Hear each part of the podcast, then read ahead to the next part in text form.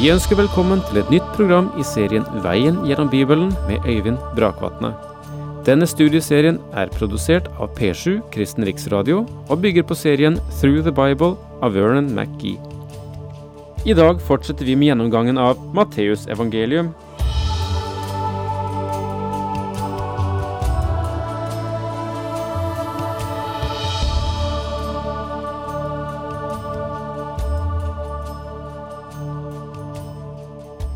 Har noen makt til å leve ut bergprekenen slik den burde være? Ja, det er et spørsmål som eh, indirekte kommer fra Matteus, efter at eh, han eh, har skrevet om at Jesus ga oss bergprekenen med den kolossale etikk, høye etikk, som den representerer. Er det mulig å gjennomføre? Finnes det kraft til å gjøre det? Og som en understreking av at i Jesus finnes denne kraft, så gir Matteus oss umiddelbart etter bergprekenen to kapitler der han samler noen av Jesu undergjerninger. Og de undergjerningene markerer kongens makt. Men disse undergjerningene i kapittel 8 og 9, de gir Matteus oss organisert og i en logisk rekkefølge. Og la meg trekke oppmerksomheten til dette i de seks undergjerningene som er gjengitt i det kapitlet vi nå skal eh, ha for oss i dag, nemlig kapittel åtte hos evangelisten Matteus, altså kapittel åtte. Det første vi møter, er en spedalsk som helbredes. Herren rører ved ham, og dette er menneskers sykdom på sitt verste. Det andre vi møter, er helbredelse av offiserens tjener, og den foregår på avstand. Han har ingen fysisk kontakt med ham, men overbygger den avstanden med sin egen makt. Det tredje er helbredelsen av Peters svigermor. Han rører ved henne. Og det fjerde er at Jesus driver ut onde ånder. Han beveger seg inn i åndenes overnaturlige verden. Og deretter så stiller han stormen på sjøen. Det er naturens verden, og vi ser hans makt over naturkreftene. Og så, som det siste i dette kapitlet, driver han ut åndene fra de to besatte fra Gadarenerlandet. Og det ble i datiden ansett for å være den vanskeligste makt å betvinge i åndsverdenen. Kongen griper inn i alle disse forskjellige områdene, og Matteus gjengir dem ikke i kronologisk orden, men en logisk rekkefølge. Det er en bestemt linje i Matteus' fortelling av disse ting. La oss nå vende oss til teksten. Jesus gikk ned fra fjellet, og en stor folkemengde fulgte ham. Legg merke til at en stor folkemengde fulgte ham. Det var ikke bare noen få mennesker. Han var i og omkring Kapernaum, der han hadde sitt hovedkvarter og jeg forutsetter at de undergjerningene som ble nevnt her, foregikk der. Dette reiser selvfølgelig spørsmål om hvor han var da han holdt bergprekenen. Jeg har lest flere teorier, men jeg tror ikke at det er så vesentlig for oss å vite selve stedet.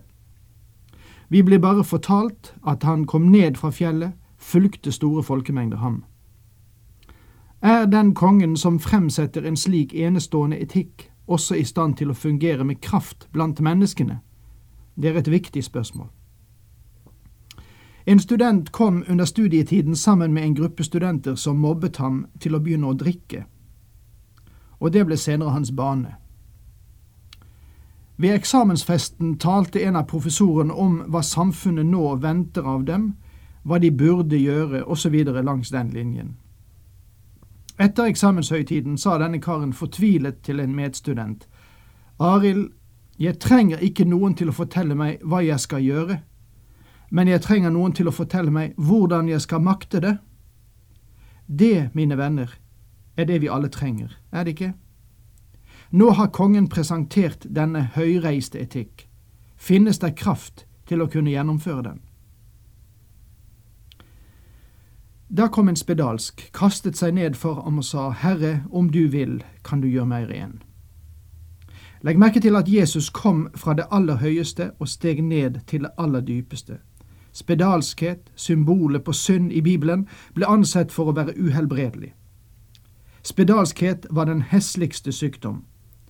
Og da den spedalske kom til Jesus, spurte han ikke Vil du gjøre meg ren? eller Er du i stand til å gjøre meg ren?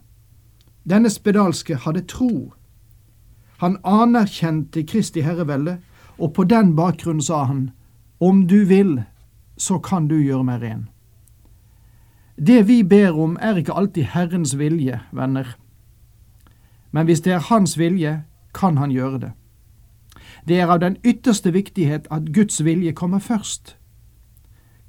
Kanskje det er enkelt for deg, men, men det er sannelig vanskelig for meg å sette Guds vilje først. Jeg former det ofte slik, Herre, vil du gjøre dette fordi jeg vil det? Men den spedalske sa, Jeg vet at du kan, men vil du? Og det betyr, er dette etter din vilje? Dette er litt forskjellig fra det vi hører mange mennesker be i dag når de krever at Herren skal gjøre bestemte ting.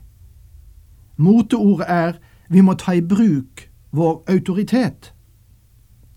Får jeg lov til å si, mine kristne venner, la ham bestemme, for det er måten det blir gjort på i alle fall. Hva er det vi av og til synger? La din Gud bestemme veien, du kan fare vill så lett, blott et lite skritt til siden vil deg hindre vandre rett. Jesus rakte ut hånden og rørte ved ham. Jeg vil, sa han, bli ren. Straks ble mannen renset for spedalskheten. Jesus rakte ut hånden og rørte ved ham. Har du noen ganger tenkt på at denne mannen ikke bare hadde en fysisk sykdom, spedalskhet, men at han også hadde en psykologisk blokkering som var forferdelig.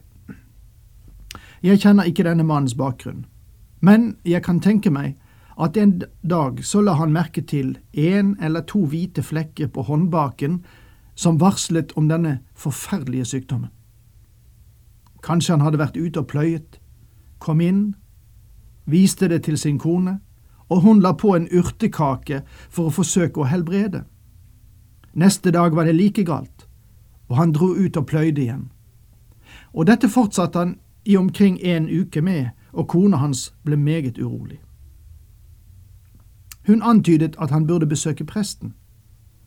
Han gikk til presten, som var datidens helsevesen, som isolerte ham for et par uker. Etter det så viste det seg at sykdommen hadde spredd seg, og presten fortalte ham at han hadde spedalskhet. Mannen spurte presten om han kunne få si det til sin kone og barn og ta farvel med dem.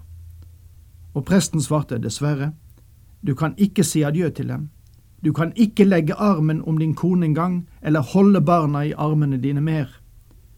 Når noen kommer nær deg, så må du rope ut, uren, uren. Han måtte bare følge med at barna vokste til. De ville legge fra seg mat på et bestemt sted, og han kom og tok den etter at de hadde trukket seg tilbake til en viss avstand. Han kunne ikke røre dem. Han kunne ikke røre noen, og ingen hadde en anledning til å røre ham. Men så en dag kom han til Jesus og sa, Herre, hvis du vil, så kan du gjøre meg ren. Og hva gjorde den Herre Jesus? Han rørte ved ham. For jeg sier til deg at denne berøring av Jesus var noe av det mest vidunderlige som hadde hendt denne mannen kanskje på titalls år. Den ikke bare renset ham fra spedalskheten, men førte han tilbake og inn igjen i den menneskelige familie, inn i Guds familie. Straks ble mannen renset fra spedalskheten. Da sa Jesus til ham, Fortell ikke dette til noen, men gå og vis deg for presten og bær fram det offer som Moses har påbudt. Det skal være et vitnesbyrd for dem. Når Markus forteller dette, så ser vi at denne mannen ble så overlykkelig, og det kan du ikke klandre ham for, så han dro omkring og fortalte alle han møtte om sin helbredelse. Han ropte det ut, og som et resultat av det trengte svære menneskemengder på rundt Herren, og han ble tvunget til å forlate byen og dra rundt på øde steder. Nå kommer Jesus til Kapernaum. Da Jesus var på vei inn i Kapernaum, kom en offiser til ham og ba om hjelp. Jeg er ganske sikker på at offiseren hadde hørt om helbredelsen av den spedalske. Offiseren var en hedning, kaptein for 60 kenturies, det vil si et kompani på 100 mann i den romerske legionen. Det vil altså si 100 mann og 60 kenturies, det vil si 6000 mann. Lukas forteller oss at han hadde bygget en synagoge for jødene, og ruinene av den finnes fremdeles. Om det er noen bygning som fremdeles finnes der Jesus faktisk gikk, så må det være i den gamle synagogen. Hør nå offiserens bønn. Herre, sa han, tjeneren min ligger lam hjemme og har store smerter. Altså, denne tjeneren var meget alvorlig syk. Jesus sa, Jeg skal komme og helbrede ham. Offiseren svarte, Herre, jeg er ikke verdig til at du kommer inn i mitt hus, men si bare et ord, så vil gutten bli frisk. For jeg står selv under kommando, men er også soldater under meg. Sier jeg til en av dem gå, så går han, og til en annen kom, så kommer han, og til min tjener gjør dette, så gjør han det. Offiseren var i en slik posisjon at han anerkjente autoritet. Han bar en romersk uniform, og han kunne si til soldater han hadde under seg, gjør dette, og de gjorde det. Hvorfor? På grunn av makt, som er autoritet. Han så på Jesus og sa, du har den samme makt. Han erkjente og anerkjente at Jesus hadde autoritet over fysiske lidelser. Jesus undret seg da han hørte dette, og sa til dem som fulgte ham, Sannelig, jeg sier dere, en slik tro har jeg ikke funnet hos noen i Israel. Ved to tilfeller står det at Jesus Kristus undret seg. Den ene gangen gjaldt det Israels vantro, og den andre var da han la merke til den tro som denne hedningeoffiseren hadde. Det skal dere vite, mange skal komme fra øst og fra vest og sitte til bords med Abraham og Isak og Jakob i himmelriket. Det er interessant at mange skal komme fra øst og vest. Allerede her peker Jesus på det verdensvide misjonsperspektivet. Vår Herre sa at dette budskapet skulle nå ut til dem også, så de kunne ha tillit til ham og få sitte til bords med Abraham og Isak og Jakob i himlenes rike. Hvilket veldig utsagn! Selvfølgelig må hver enkelt ha personlig tro på Kristus. Intet menneske kan slå i bordet med kirkemedlemskap eller familietradisjon eller det faktum at dets foreldre er kristne for sin egen frelses skyld. Til offiseren sa Jesus, Gå hjem, det skal bli som du trodde, og tjeneren ble frisk i samme stund. Selv om hans plagede tjener ikke var i nærheten av Jesus, så han kunne røre ham, så førte offiserens tro Jesus Kristus til å helbrede ham. Jesus rørte ved en spedalsk, og han ble helbredet. Nå helbreder han offiserens tjener på avstand. Grenser er ingen hindringer for mesteren. Hvor stor avstanden er, hvordan forholdene er, gjør intet. I det øyeblikk et menneske er åpen for ham, så er han der, og avstander er ingen hindring.